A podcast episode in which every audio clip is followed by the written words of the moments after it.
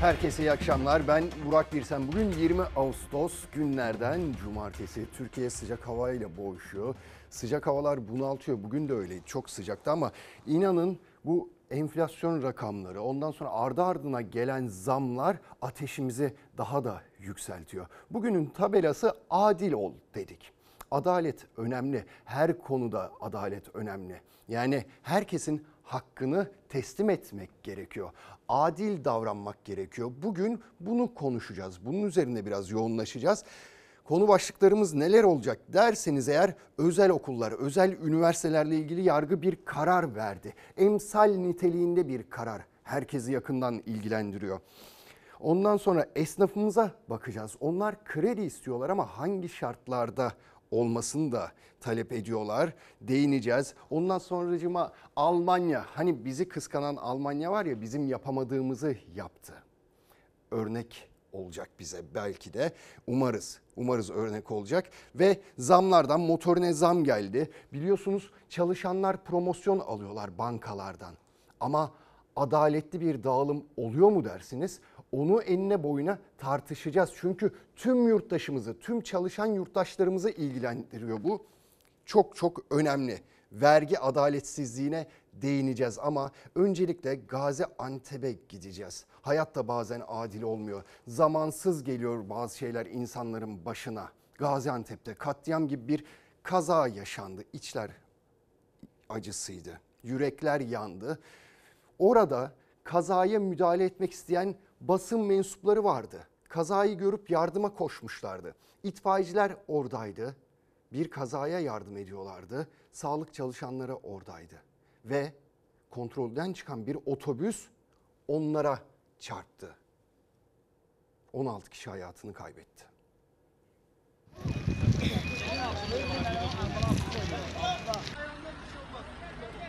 Abi şunu nabza atıyor. Baktım bir yolcu otobüsü yalpalayarak geliyor zaten devrildiğini de gördüm. Kaçın diye bağırdım. Otobüs geliyor kaçın diye bağırdım. Ondan sonrasını çok hatırlamıyorum. Sonrası facia, zincirleme bir katliamdı. Gaziantep'te yolcu otobüsü başka bir kazaya müdahale eden sağlık ve itfaiye ekiplerine çarptı. O an yardım için orada gazeteciler de vardı. İki muhabir, 3 itfaiye eri, 4 sağlık çalışanı olmak üzere 16 kişi hayatını kaybetti. 21 kişi de yaralandı. Tek araç kaza yapıyor. Arkadaşlarımız ona müdahale ederken 200 metre geride bir otobüs devriliyor. Devrilen otobüs kayarak ilk kaza yapan araca ve kurtarma ekiplerine çarpıyor. Korkunç gaza Gaziantep Şanlıurfa otoyolunun Nizip ilçesi yakınlarında yaşandı. Kontrolden çıkan bir otomobil şarampole devrildi önce.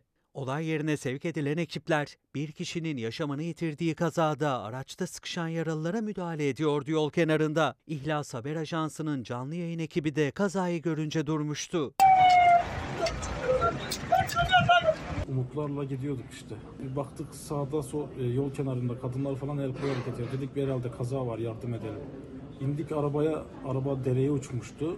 Orada birisi vefat etmişti, birine yardım ettik. Bir saat uğraştık, zar zor çıkardık hastayı.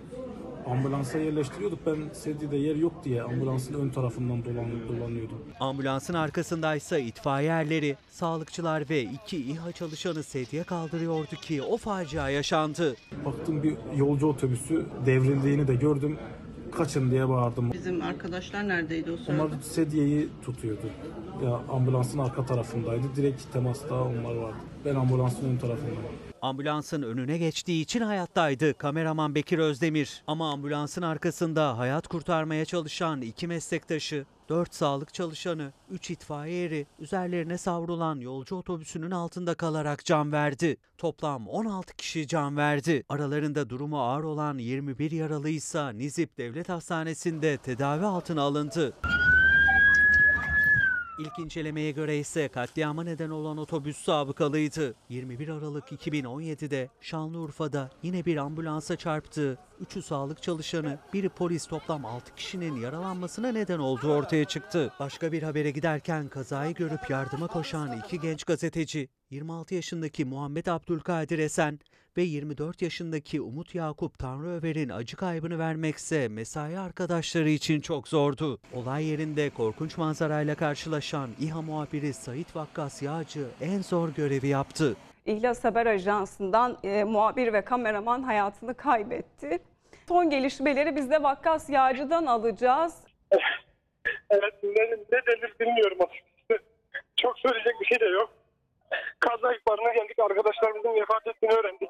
Cumhurbaşkanı Erdoğan, ana muhalefet lideri Kılıçdaroğlu ve birçok siyasetçi sosyal medyadan katliam gibi kaza ve acı kayıplarla ilgili mesaj paylaştı. Ama en çok hayatını kaybeden kameraman Muhammed Abdülkadir Esen'in İnsanlar ne yana gitseler ölümlerine doğru giderler dediği son paylaşımı sevenlerinin yüreğini yaktı.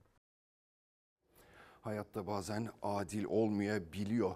16 kişi hayatını kaybetti. Allah'tan rahmet yakınlarına da başsağlığı diliyoruz bir kez daha ama hayatını kaybedenlerden 3'ü itfaiyeci, 4'ü sağlık çalışanıydı. Orada yaralılara yardım etmek için bulunuyorlardı ve ikisi de hayatını kaybedenlerden ikisi de bizlerin meslektaşıydı. Gazeteciydi. Genç arkadaşlarımız çok gençlerdi.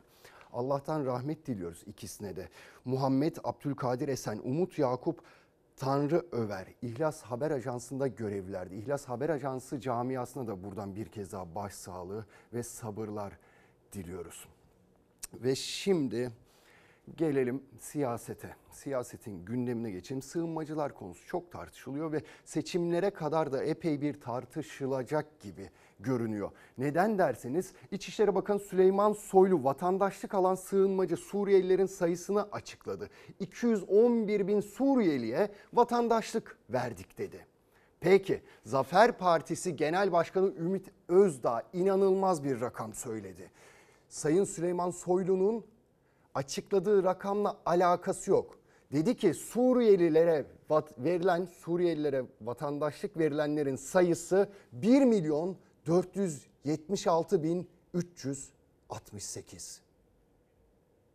Türkiye'de gerçek sığınmacı ve kaçak rakamı 13 milyonu bulmuş durumda. AK Parti ülkemizin göç adı altında işgal edilmesinin yolunu açmıştır. Türkiye'de 3 milyon 650 bin Suriyeli Kayıtlı. kardeşimiz var. Suriyeli kadınlarda doğum oranı da 5.3 olarak ifade edilmektedir. Doğum oranı 5.3 olan bir halk 6 seneden beri nasıl olur da adeta sabit kalır? İçişleri Bakanı'nın 3 milyon 650 bin Suriyeli var açıklamasından iki gün sonra Zafer Partisi Genel Başkanı Ümit Özdağ yeni bir iddiayı gündeme getirdi. Doğum oranlarına da dikkat çekerek Türkiye'deki Suriyeli ve toplam göçmen sayısının 13 milyon olduğunu söyledi. Vatandaşlık verilen Suriyeli sayısının da açıklanan resmi rakamın 7 katı olduğunu. İçişleri Bakan Yardımcısı Özdağ için güvenlik sorunu dedi. 13 milyon sığınmacı ve kaçak olduğu devletin resmi belgelerindeki kayıt. Bu bilgi bana ilk kez 6 ay önce geldi. Geçen hafta iki farklı kaynaktan 13 milyon rakamını doğrulatınca Türk kamuoyuyla paylaşma kararı aldım. Yanlış olma ihtimali sıfır. 211 bin vatandaş yaptık. Temmuz 2022'ye kadar vatandaşlık verilen Suriyeli sayısını açıklıyorum. 1 milyon 476 bin 368. Kendini genel başkan diye vehmeden Ümit Özdağ, akademisyenliğin, milletvekilliğin, insani etik ve haysiyetle uyuşmayan yalanlarına, vatandaş olan Suriyelilerin sayılarıyla halkı kışkırtmaya yönelik açıklamalarına devam ediyor. Yazık ki bu haliyle ülkenin güvenlik sorunu olmaya başladı. 1 milyon 476 bin 368. 200 bin rakamı yalan. Hukuk sistemimize göre geçici koruma altındakilerin vatandaşlığa başvuru hakkı yok. Deva Partisi lideri Ali Babacan geçici koruma statüsündeki Suriyelilere vatandaşlık verilmesinin hukuka aykırı olduğunu söylemişti. İçişleri Bakanlığı verilerine göre 211 bin Suriyeli ile birlikte vatandaşlık verilen yabancı uyruklu toplam kişi sayısı 363.179. Ama Ümit Özdağ sadece Türk vatandaşı olan Suriyeli sayısının 1 milyon 476 bin olduğunu belirtiyor. Toplam rakamın 1 milyon 700 binin üzerinde olduğunu söylüyor. Resmi gazetede vatandaşlık alan yabancıların isimleri eskiden yayınlanırdı. Ama artık Türk halkından vatandaşlık verilmesi gizlendiği için yayınlanmıyor. Özdağ'ın verdiği rakamlara göre 1 milyon 700 binin üzerinde Türk vatandaşlığı verilen yabancı uyruklu kişi var.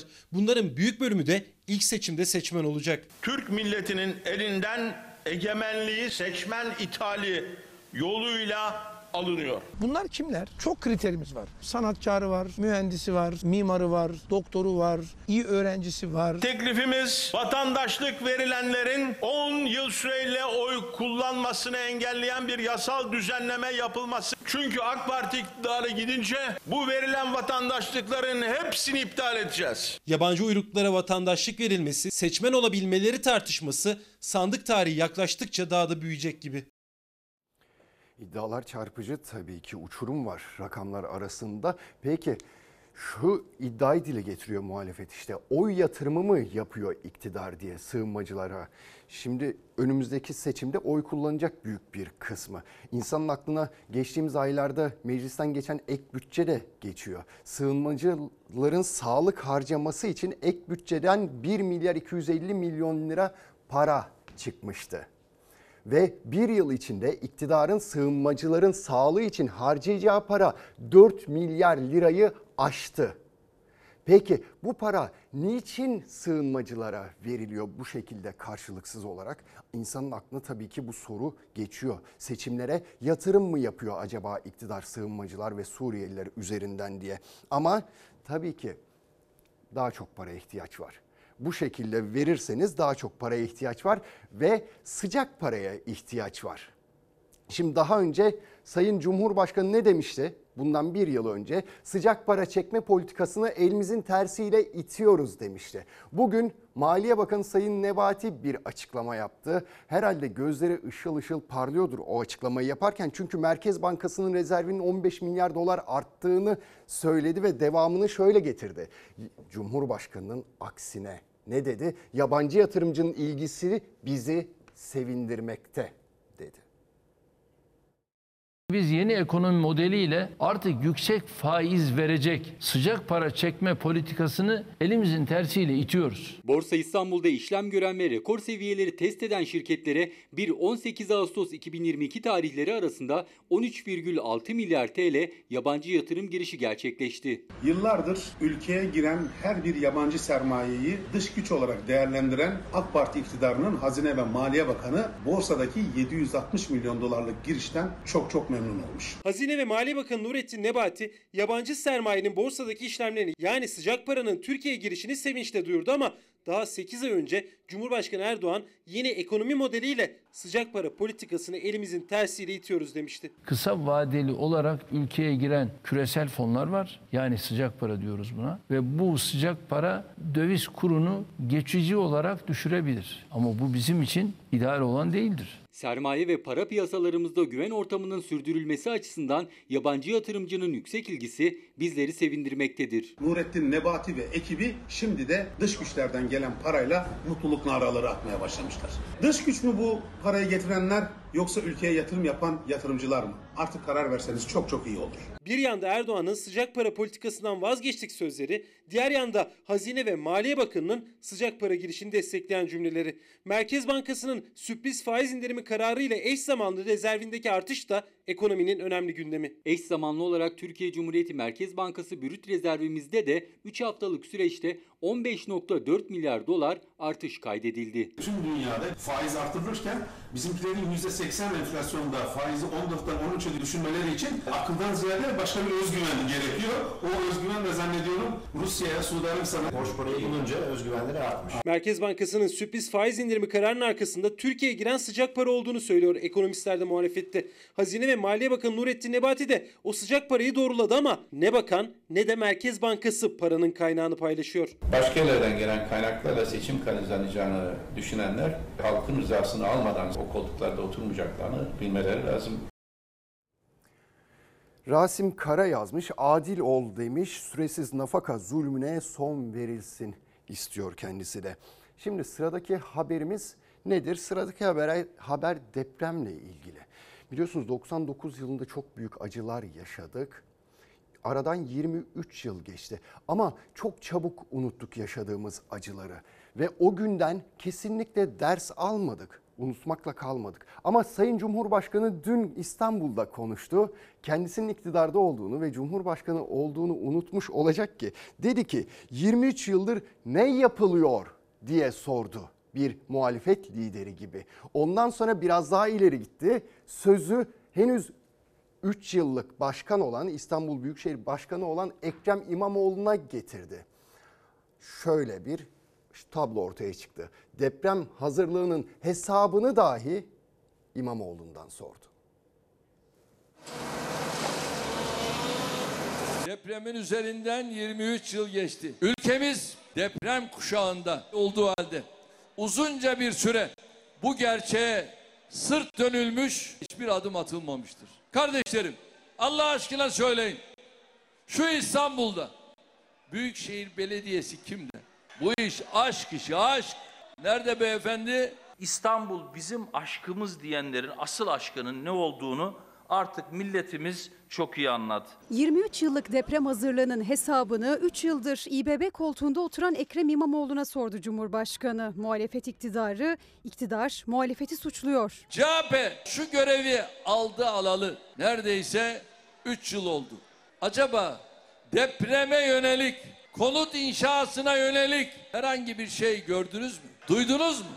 Gördük ki 130 proje tam 7 orman alanından 85 milyar dolarlık inanılmaz bir rant elde edilmiş. Bakın 85 milyar dolarla şu anda İstanbul'da depreme dayanıksız ev bırakılmazdı.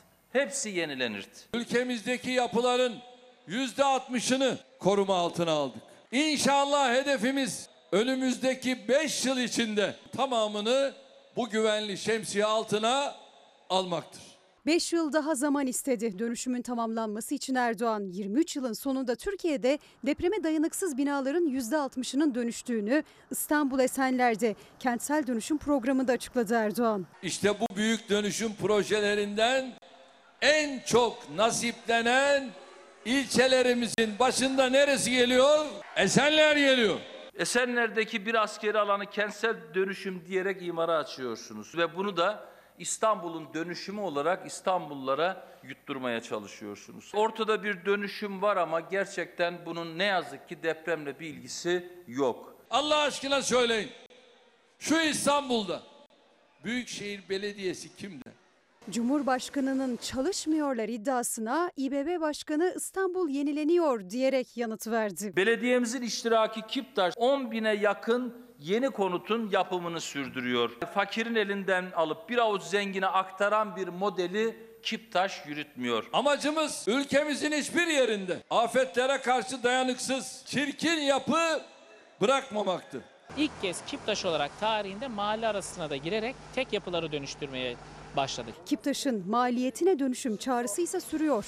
38 ilçeden 128 bin daire dönüşüm için başvurdu İBB'ye. Bunların tamamını inşaat maliyetleri üzerinden dönüştürmeye talibiz. Deprem gerçeği yine siyasi arenadayken başka bir taraftan daha objektif bir sesten Kandilli Rasathanesi'nden ses yükseldi. Belki bir saniye sonra, belki 10 sene sonra bir büyük deprem olabilir ama bizim bu depreme ne kadar hazırlıklı olduğumuz depremin nerede ve ne büyüklükte olacağından çok daha önemli.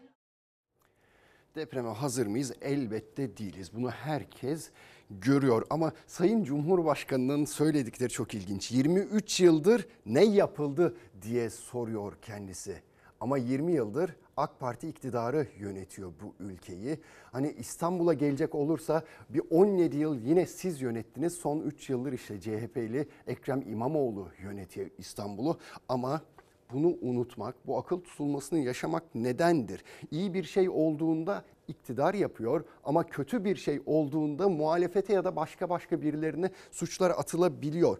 Ve acaba hiçbir danışmanı, hiçbir bürokrat Sayın Cumhurbaşkanı'na şunu diyemiyor mu 23 yıldır ne yapıldı diye sorduğunda 20 yıldır Sayın Cumhurbaşkanı biz yönetiyoruz bu ülkeyi diyemiyorlar mı?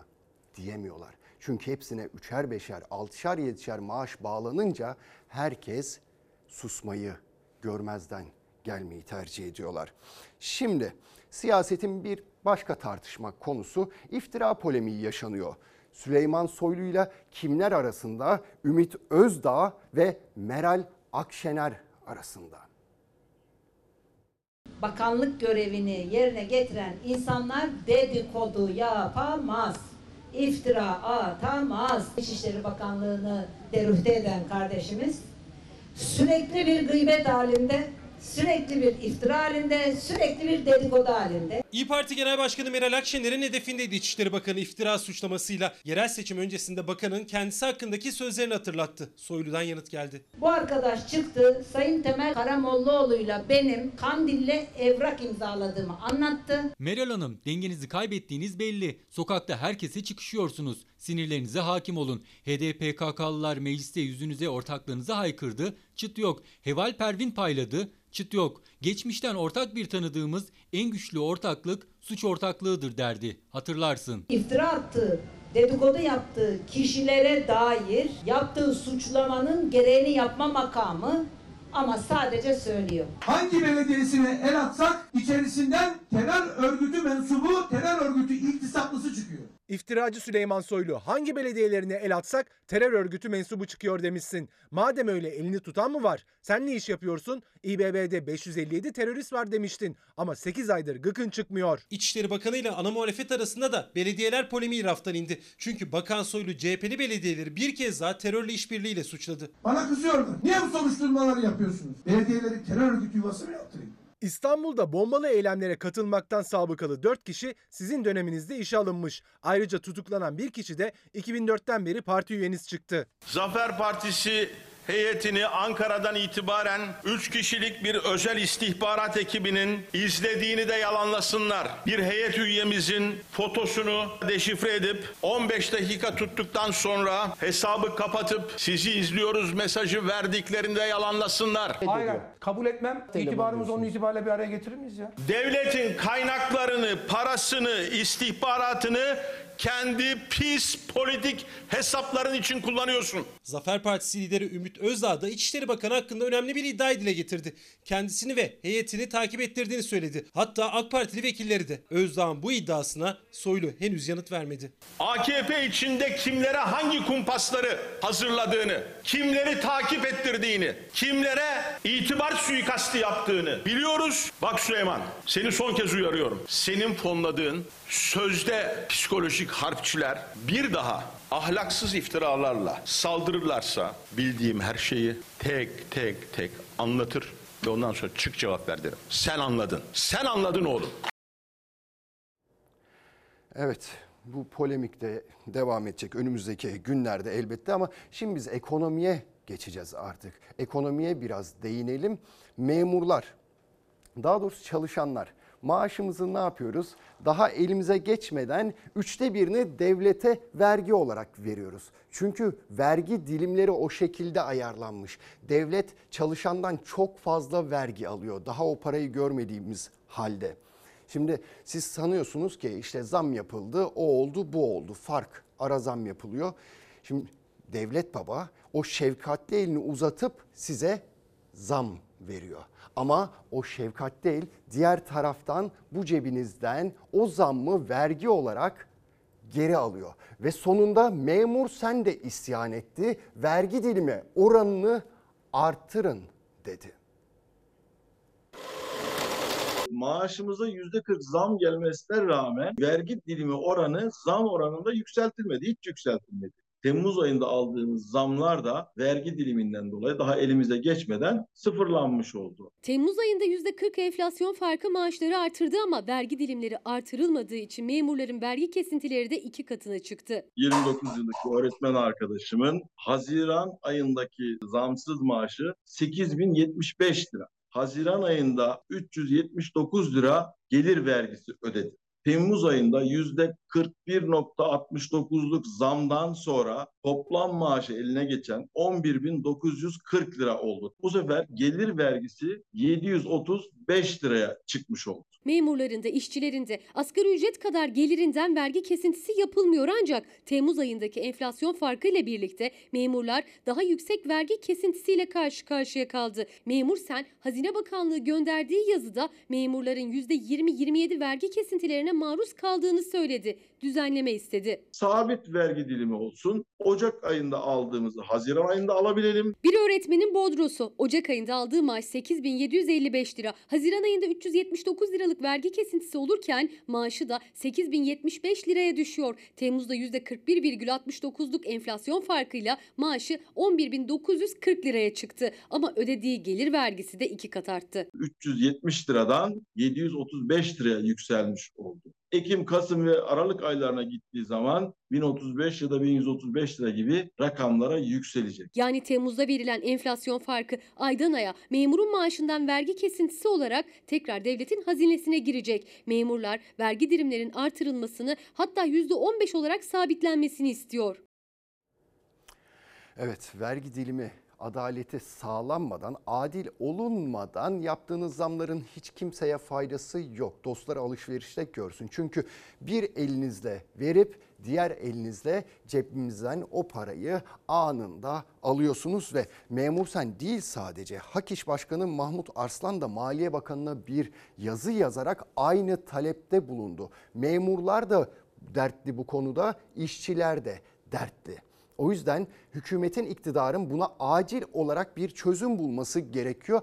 Ya şey mi bekliyorsunuz? Bakın yine aklıma geldi. Hep aklıma geliyor. CHP lideri Kemal Kılıçdaroğlu'nun söylemesini mi bekliyorsunuz? Yani yapmayın, etmeyin. İnsanlar bu enflasyon girdabında boğulmak üzereler.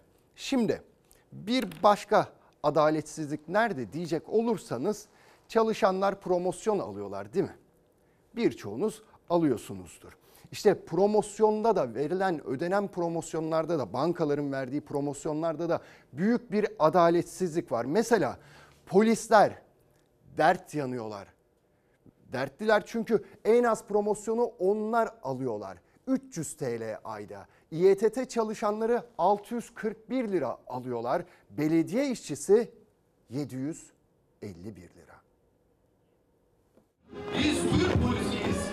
Emniyet Genel Müdürlüğü Vakıflar Bankası ile anlaşma yapmış. Bütün birimlerimiz 300 lira aylık promosyon alacak diye müjde verdi. Müjde dendi ama müjde olmadı. Çünkü 330 bin polisin görev yaptığı Emniyet Genel Müdürlüğü aylık 300 lira banka promosyonu için anlaştı. 3 yılda 10.800 lira alacak polisler. Oysa beklentileri 3 yıl için 50 bin liraydı. Çünkü promosyon anlaşmalarına bakıldığında başka kurumlar ve memurlar en az 23 bin liraya anlaştılar bankalarla. 2000-3000 kişilik kurumlar bankalarla anlaşma yapıyor. 20 bin ila 37 bin 500 lira arasında anlaşma yaptılar. 7500 lira bankalar emeklilere para veriyor 3 yıllık. Bizim 3 yıllığımız 10.800 lira bugün peşin alsak. Peşinde değil her ay 300'er lira olarak yansıyacak polis maaşlarına promosyon. Emekliler de yaklaşık 3 bin liralık düşük emekli maaşlarına rağmen 8 bin liraya varan promosyon alabiliyor bankalardan. Ama ortalama ücreti 12 bin lira olan polisler için promosyon anlaşması memnun etmedi. Üstelik aylara bölünen promosyon alım gücünün de aydan aya düşmesiyle eriyecek. Polisin maaşı yüksek maaş olarak kabul ediliyor. 12-13 bin lira maaş aldığını düşündüğümüz polislerin banka promosyonunun aylık 300 lira yapılması bir defa uygun değil. 330 bin personeli var. En hafif tabiriyle bir yanlış vardır diye düşünüyoruz. Polisin Sesi platformu sözcüsü Faruk Sezer'e göre promosyonun bir bölümü Emniyet Genel Müdürlüğü'ne araç olarak verildi. Sözleşme miktarının düşük tutulup üstüne binlerce aracın Vakıfbank tarafından Türk Polis Teşkilatı'nı Güçlendirme Vakfı'na hibe edildiği şeklinde bir iddia var. Promosyon ödemelerinin tamamı personele dağıtılmakta olup taşıt alımı gibi farklı bir alanda kullanımı asla söz konusu değildir. Benim paramı tam ver. Ondan sonra yardım kampanyası, araç kampanyası mı düzenliyorsun? Düzenle. Gidelim biz de araç kampanyasına para bağışlayalım yine. Bunda bir sıkıntımız yok ki. İddialar doğrulanmasa da polisler düşük promosyon gerçeğiyle karşı karşıya. Üstelik anlaşma 5 yıllık yapıldı. Ancak ilçe belediyelerinden dahi örneğin Malatya Yeşilyurt Belediyesi de 1030 personeli için 27 bin liraya anlaştı. İstanbul Tuzla Belediyesi de 312 memuru ve kadrolu işçileri için 26.400 lira olarak açıkladı promosyonu. 6.000 çalışanlı İETT ise 23 bin lira dedi. Banka promosyon ihalelerinde en yüksek ücretlerden birini 6000'e yaklaşık arkadaşımız aldı. 23.100 lira bedelle tüm arkadaşlarımızın maaşlarına yansıdı. 330 bin polis şimdi bankayla yeniden yapılacak bir anlaşmayla promosyon tutarının yükseltilmesini ve tek seferde ödenmesini bekliyor. Bu anlaşmayı tek defada peşin olarak hemen verilecek şekilde anlaşın. 50 bin liranın aşağısına olmaması gerektiğini istiyoruz. Binlerce meslektaşım benden bunu söylememi istiyor. Evet 300-500 kişilik kurumlar 27 bin, 35 bin lira, 40 bin lira promosyon veriyorlar ama 330 bin personeli olan emniyet teşkilatının promosyonu devede kulak. Aylık sadece 300 lira. Aslında o da tabii 5 yıllık, diğerlerin muhtemelen 3 yıllık sözleşmeler.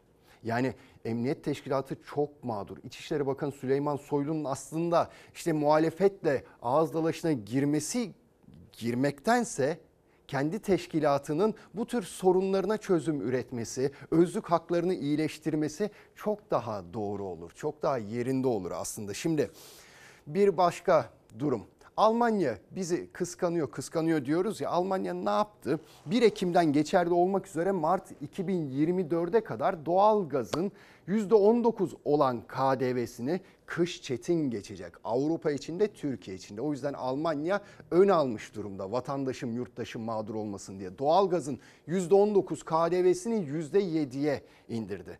Şöyle izah edelim. Almanya'da yaşayan Hans'ın doğalgaz KDV'si 7. Onlar bizi kıskanıyor ama burada Türkiye'de yaşayan Hasan'ın doğalgazının KDV'si hala %18. Almanya bakın şu anda doğalgaza KDV'de indirime gidiyor. Bütün dünyada önlemler alınıyor. Tüm dünya önlemler alırken Türkiye'de bunun sadece vatandaşa ödettirilmesi kabul edilemez bir durum. Almanya yükselen faturalara çözüm için doğalgaz faturalarında KDV indirimi yaptı. %19 olan KDV %7'ye indirilecek. Alman tüketicileri rahatlatacak bu adımı örnek gösteren muhalefetten hükümete KDV'yi düşürün çağrısı geldi. Tüketici de aynı fikirde. Çünkü artık kışın gelen yüksek faturalar yazında cep yakıyor. Faturada KDV oranı ise %18. En son ne kadar ödediniz doğalgaz? Son 250 lira ödedik. Kışın herhalde diyorum bu kış bir buçuk falan veririz biz. Biz mesela emekli eşim. E yani zor geçiniyoruz. Bütün yükü vatandaşın sırtına yüklüyor. Türkiye bu faturaların KDV'sini kaldıracak güçtedir. Dar gelirliden geliri çok olana doğru kademeli hale de getirebilir. Buradan çağrımızdır. Lütfen vatandaşın sırtından bu doğalgaz faturaları yükünü kaldırın. Gelin KDV'yi Almanya gibi kaldırın. Mecliste Enerji Komisyonu üyesi olan CHP'li Müzeyyen Şevkin, ceplerin yandığı bir yaz sonrası kara kış kapıdayken doğalgaz faturalarının dar gelirli etkilememesi için Türkiye'de vergi indirimi şart dedi. Vergi uzmanı Ozan Bingöl'de Almanya 1 Ekim tarihi itibarıyla Mart 2024'e kadar %7 KDV ödeyecek doğalgaz tüketimine. Türkiye'de ise %18. Talep %1'e inmesi. Ülkemizde de %1'e düşürülmesini talep ediyor vatandaş. Bekliyor. Yetki zaten Sayın Cumhurbaşkanındadır. İstediği takdirde 30 saniye içerisinde bu oranı %1'e düşürebilir. Yazın sadece işte sıcak su için kullanıyoruz. Bir de işte e, mutfakta kullanıyoruz. Her şeyde bizde vergi var. Hayat da çok pahalı. Sıkıntı da çekiyoruz. Doğalgaz faturalarından alınan KDV oranı %18. Peki bu oran %18'den %1'e düşerse faturalar nasıl etkilenir? 500 liralık faturada %1'e düşerse KDV oranı 75 liralık tüketicilerin bir avantajı oluyor. 10 lira bile önemli. Tabii ki önemli. Dünya bizi kıskanıyor. Kıskanmakta da haklılar. Varsın kıskansınlar. Geliri olmayan bir devlet halkından vergi alır. Yani bu halktan vergi almak için de bir sürü şey vardı işte doğalgazından, elektriğinden, suyundan vergi alır senin. KDV düzenlemesi önemli. Hatta o da yetmez. Geldiğimiz noktada doğal gaz gibi zorunlu bir ihtiyaçtan az bile olsa, oranı düşük bile olsa ÖTV alınması kabul edilebilir değildir. İzaha muhtaçtır. Onun da bir an evvel kaldırılması gerekmektedir. Doğalgaz faturaları arttıkça alınan KDV oranı da artacak aydan aya. Isınmaksa temel bir ihtiyaç. Doğalgaz yaşaman için gerekli olan bir şey. Yani sen bana doğalgazı satıyorsun. Bir de ondan vergisini alıyorsun. Esnaf dertli, uygun kredi arıyor. Kira bir taraftan, vergi bir taraftan. Aklım fikrim ermedi. Emekli aylığım olmasa vallahi billahi battım kapatıp gideceğim. 100 bin lira kredi çektim. 100 bin liraya 46 bin lira ödeyeceğim diyor. Bu nasıl faiz, nasıl bir olay aklım ermedi. Kira, vergi, sigorta, stopaj, e, elden aldığımız borçlar. Telefonları açamıyoruz artık zaten bankaların aramasından. Küçük esnaf eli kolu bağlı duruyor dükkanında ama ne maliyetleri ne borçları yerinde duruyor. Vergiler, sigorta primi, kira borçları, faturalar derken borç sarmalı kuşattı etrafını. Türkiye Esnaf ve Sanatkarları Konfederasyonu Başkanı iktidara seslendi. Esnafa sıfır faizli nefes kredisi istedi. Bu durumda zaten borçlarını ödeyemiyor. Devlet tahsilatı yapamıyor. Nefes kredisiyle rahatlama sağlanmasının artık aşikar ortaya çıktı. Bugün bir 20 bin lira kredi e, kullansan 40 lira falan para ödüyorsun yani. Böyle faiz oranı mı olur? Borcu borçla kapatan esnaf değil parasının hesabını, borcunun hesabını bile yapamıyor artık. Borç zinciri kırılamıyor. Çünkü geliri gideri tutturamayınca esnaf bu süreçte ya kredi kartlarına sarıldı ya da çarkları döndürmek adına yüksek faizli kredilere.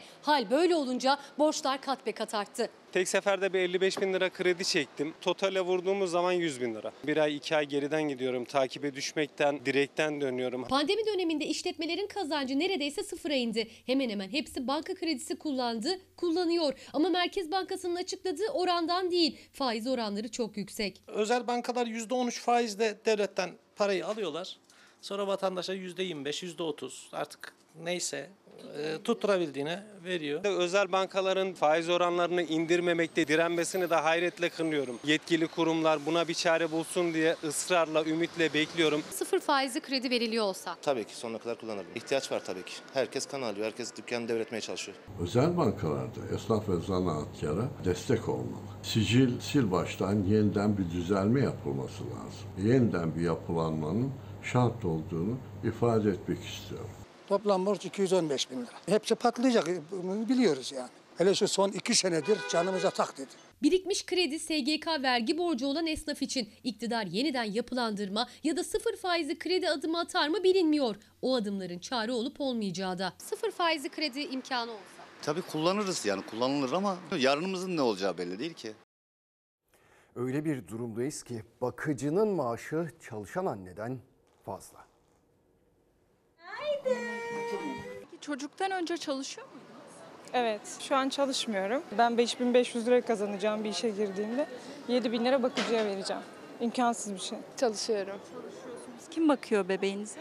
Kreşe gidiyor. Biraz babaanne bakıyor. Bakıcıya hayatta veremem. Yani 7 bin lira dediğiniz asgari ücretten 1,5 milyar fazla ediyor. Çalışıyordum. Sonra ne oldu? Çocuğuma bakıyorum. Herhalde bir 15 bin almam lazım ki 7 bin bakıcıya vereyim. Bir tarafta tarifsiz evlat sahibi olmanın mutluluğu ama diğer tarafta mecburi ekonomik şartlar sebebiyle çalışma zorunluluğu. Ama hesabın içinden bir türlü çıkamıyor anne babalar. Ortalama 8 bin liraya yükselen bakıcı ücreti asgari ücreti aştı. Aldığım maaşı direkt bakıcıya vermemiz gerekiyor. O da yatılı olmamak kaydıyla. Ama imkansız şu anda. Peki bugün çalışsanız ne kadar ücret alırsınız ortalama? Ortalama en fazla e, yani 6-7 bin lira. Bakıcıya aylık 7 bin lira verdikten sonra e, anne işten mecbur ayrıldı. Çünkü anne de asgari ücretle çalışıyor. Yani 7 bin lira maaş almıyoruz. Ben tek çalışıyorum. Elektrik, su, mamanın bir tanesi olmuş 200 lira. Şu anda bir bez olmuş 200 lira. Çalışmaya devam eden anneler de çocuğunu bakıcıya emanet edemiyor ücretini karşılayamadığı için. Bu nedenle çoğu anne iş hayatında kalabilmek, maddi gücünü elinde tutabilmek ve evine destek olabilmek için anneanne ve babaannelerden destek istiyor. Çalışıyor musun? Evet çalışıyorum. Okula başlayacak işte 5 Eylül'de. O zaman da babaannemiz bakacak 3'ten sonra. Bakıcı hiç düşünmedim çünkü şu şartlarda aldığımız maaşlarda bakıcıya ayırabilecek bir bütçem yok maalesef. Çünkü çok yüksek rakamlara geliyorlar. Bakıcı ücretleri öyle bir uçtu ki bugün çocuk çocuk gelişimi mezunu işsiz bir genç özel bir anaokulunda asgari ücret alırken bakıcının ücreti 7 bin liraya aştı. Ya bakıcı ya da çocuk gelişimi mezunu üniversite öğrencileri bakıyor çalışan annelerin çocuklarına. Sosyal statü gereği elbette ki öğretmen olmayı tercih ediyorlar ancak onlar da asgari ücretle kreşlerde çalışıyorlar. Yani sadece annelerin maaşını değil bu işin eğitimini alan genç uzmanlar da bakıcıdan az kazanıyor. Çalışsanız ne kadar maaş alırsınız? 5500 asgari ücret. Bakıcı hiç düşünmedim çünkü 8 bin lira, 8500 lira. Kayınvalidem, kayınpederim ve görümcem var. Onlar destek oluyorlar. Bakıcı ücretleri semtine, eğitim durumuna hatta bir de yabancı dili varsa katlanarak artıyor. Maliyet büyüdükçe annelerin birçoğu çalışmaktan vazgeçip tek ücretle geçinmeye giderlerinden hatta çocuklarının giderlerinden kısmaya çalışıyor. Bakıcı alternatifini hiç düşündünüz. Hayır düşünmedim çünkü maliyetini düşünüyoruz öncelikli olarak. Bakıcı düşündük ama e, şartlar el vermiyor. Parasal şartlar benim bakmam daha mantıklı. Üniversite zamlarına enflasyon sınırı geldi.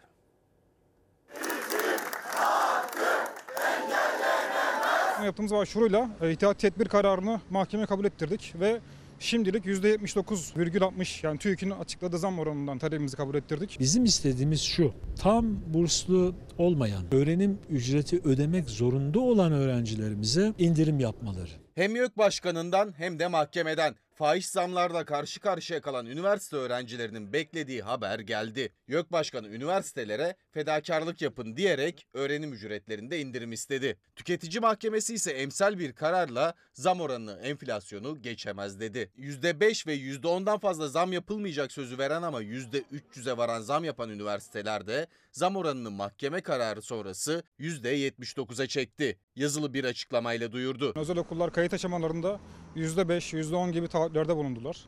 Bu taahhütler hukukta icaptır. Bu öğrencilerin e, iradelerini kendi okullarının tercih edilmesi yönünde şekillendirmişlerdir. Yasalara aykırıdır. Avukat Murat Bostan İstanbul Bakırköy Tüketici Mahkemesi'ne başvurdu. O Beylikdüzü'ndeki özel bir üniversitenin fahiş zamlarına karşı dava açmıştı ama mahkemenin kararı emsal nitelikte ve çıkan karara göre zam oranı %79,6'yı yani enflasyon oranını geçemeyecek. Geçen yıl 11 bin, 12 bin liradan kayıt yaptıran öğrenci arkadaşlarımızın bu yıl 35 bin lira, 40 bin lira gibi fahiş, çok fahiş zamlarla kayıt yaptırmaları kabul edilebilir bir durum, bu durum değildir. Bu ihtiyat tedbir kararı şu anda emsal teşkil etmekte. %79 da değil, %10 üzerinden olması için çabalayacağız. Bazı özel üniversitelerde kayıt sırasında öğrencilere her yıl zam oranının %5 ve 10'u geçmeyeceğinin sözünü vermişti. Ama bu sene %50 ile %300 arasında zam yaptılar. Öğrenciler zamların söz verilen düzeyde kalması için eylem yaptı ama seslerini duyan olmadı. O üniversitelerde işte bu karar sonrası kayıt ücretini %79,6'ya düşürdü. Ama söz verilen oranların yine üzerinde bu oran.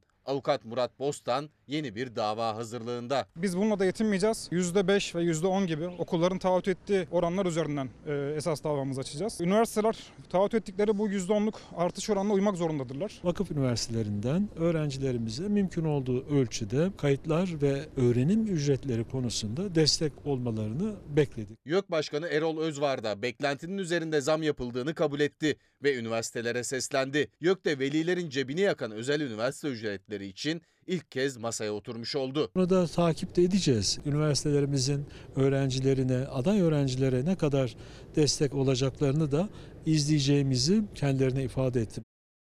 İstanbul'da taksicilere Koreli bir kız denetliyor. 250, okay. Okay, okay. buyurun. Istanbul dinner here. Okay, tamam buyurun gel. 15 Nasıl? Bucks. Walking is 14. Herkes durağım arıyormuş. Beni niye arayan yok oğlum? Walking is 14. I think if we...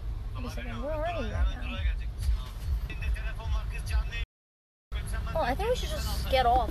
Hi, uh, can I get off here? Here is good. Yine aynı turist, yine taksi, yine taksimetre pazarlığı ve yine canlı yayın. Güney Koreli sosyal medya fenomenine bir gün arayla bindiği bir başka takside yine taksimetre açılmadı. Gideceği yer için taksici yüksek ücret istedi. Binlerce takipçisi olan turistin yayınını bu kez taksi durağı da izledi. Arayarak haber verdi ama artık çok geçti. Yeah, here. Bir dakika dur oğlum elma ayağımı karıştırdın. Dur bir kapat bir ya. Önceki gün gitmek istediği kısa mesafeye taksimetre açmayan 70 lira tutacak adres için 200 lira isteyen taksicinin kurnazlığını canlı yayında aktarmıştı Cini isimli Güney Koreli turist. 150 lirada anlaşmışlardı. Tüm bu yaşananlar gezi videoları yayınlayan fenomenin sosyal medya hesabından izlendi. Böyle giderim 200 lira. 200? Ya. Bir gün sonra aynı turist yine kısa mesafe bindi taksiye. Taksici turist görünce yine taksimetresiz 250 lira dedi. Koreli kadın yine canlı yayındaydı ve 759 bin takipçisi vardı. 250. Okey. Okay. Okay. buyurun. It's- Tamam buyurun gel. Binlerce takipçi arasında belli ki bindiği taksinin durağından da takipçileri vardı. Taksi şoförünün telefonu çaldı. Müşterisinin canlı yayında olduğu söylendi. Taksi şoförünün eli ayağına dolandı. Şu an getiriyorum. Ne? Bir dakika dur oğlum bir elma ayağımı karıştırdın. Dur bir kapat bir ya. Yes. Here? Here's good? Burada mı ineceksiniz? Tamam. What do you mean, guys? Güney Koreli turist adeta denetim yapmış oldu bu yayınlarıyla. Turistten 200 lira isteyen taksici yayın sonrası bulundu. 2711 lira para cezası aldı. 10 günde trafikten men edildi. Temmuz ayında emekli maaşları ile Şimdi, ilgili şimdi bir bunları konuşmayacağım. Orada orada konuşuyorum. Bütün milletimizi, İstanbul Büyükşehir Belediye Başkanı'nın millet- OBESELA ile ilgili açıklaması oldu. iyiliğin zamanı.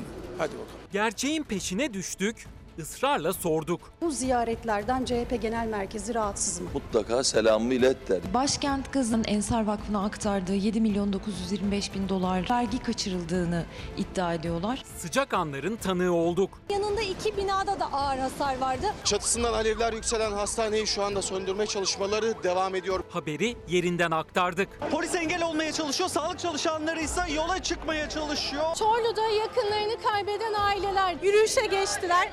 Kameralar önünde konuşulmayanı anlattık. Başkent kulislerinin perdesini araladık. Güçlendirilmiş parlamenter sistem hedefiyle yürüyoruz dediler. AYM kararı da meclisin kararı yok hükmünde sayılmıyor. Ben sizlere ilk defa bir manşeti duyurmak istiyorum. İlk biz duyurduk. Üretim amaçlı olarak kullandığınız doğalgazın %40'ını kesiyoruz. Çocuğuna diyor yapacak. Bir tarla satıyor. Süt satışı da bitti. Gerçek çiftçi bu ülkenin köylüsü faydalanabiliyor. Birlikte dertlendik. Bunun için para istemeyin. Bu iş çözülmeyecek. Sormak isterim sosyal devlet anlayışı nedir? Memleketteki bütün kalemlere bakacağız. Anıtkabir avlusunda o özlem daha ayrı. Belli branşta hasta kabul eden özel hastanelerin Sadece 2 milyon çalışanı ilgilendiriyor. Sabah erken saatlerinde gelip sıraya girip bu balçık bayağı vakum gibi çekiyor. Bombanın düştüğü yer işte tam da burası. İçeride kalanlar dışarıya çıkartıldı. Kurulan işte o teleferikler. Elektrik ve suları kesildi. Satışı arttırmak için yumurtada kampanya yaptı. Üstelik bir de başvurup da alamayanlar var. araştırdık, takip ettik, işin aslını anlattık. Tüm bu haberleri hazırlarken gücümüzü sadece ve sadece sizden alıyoruz.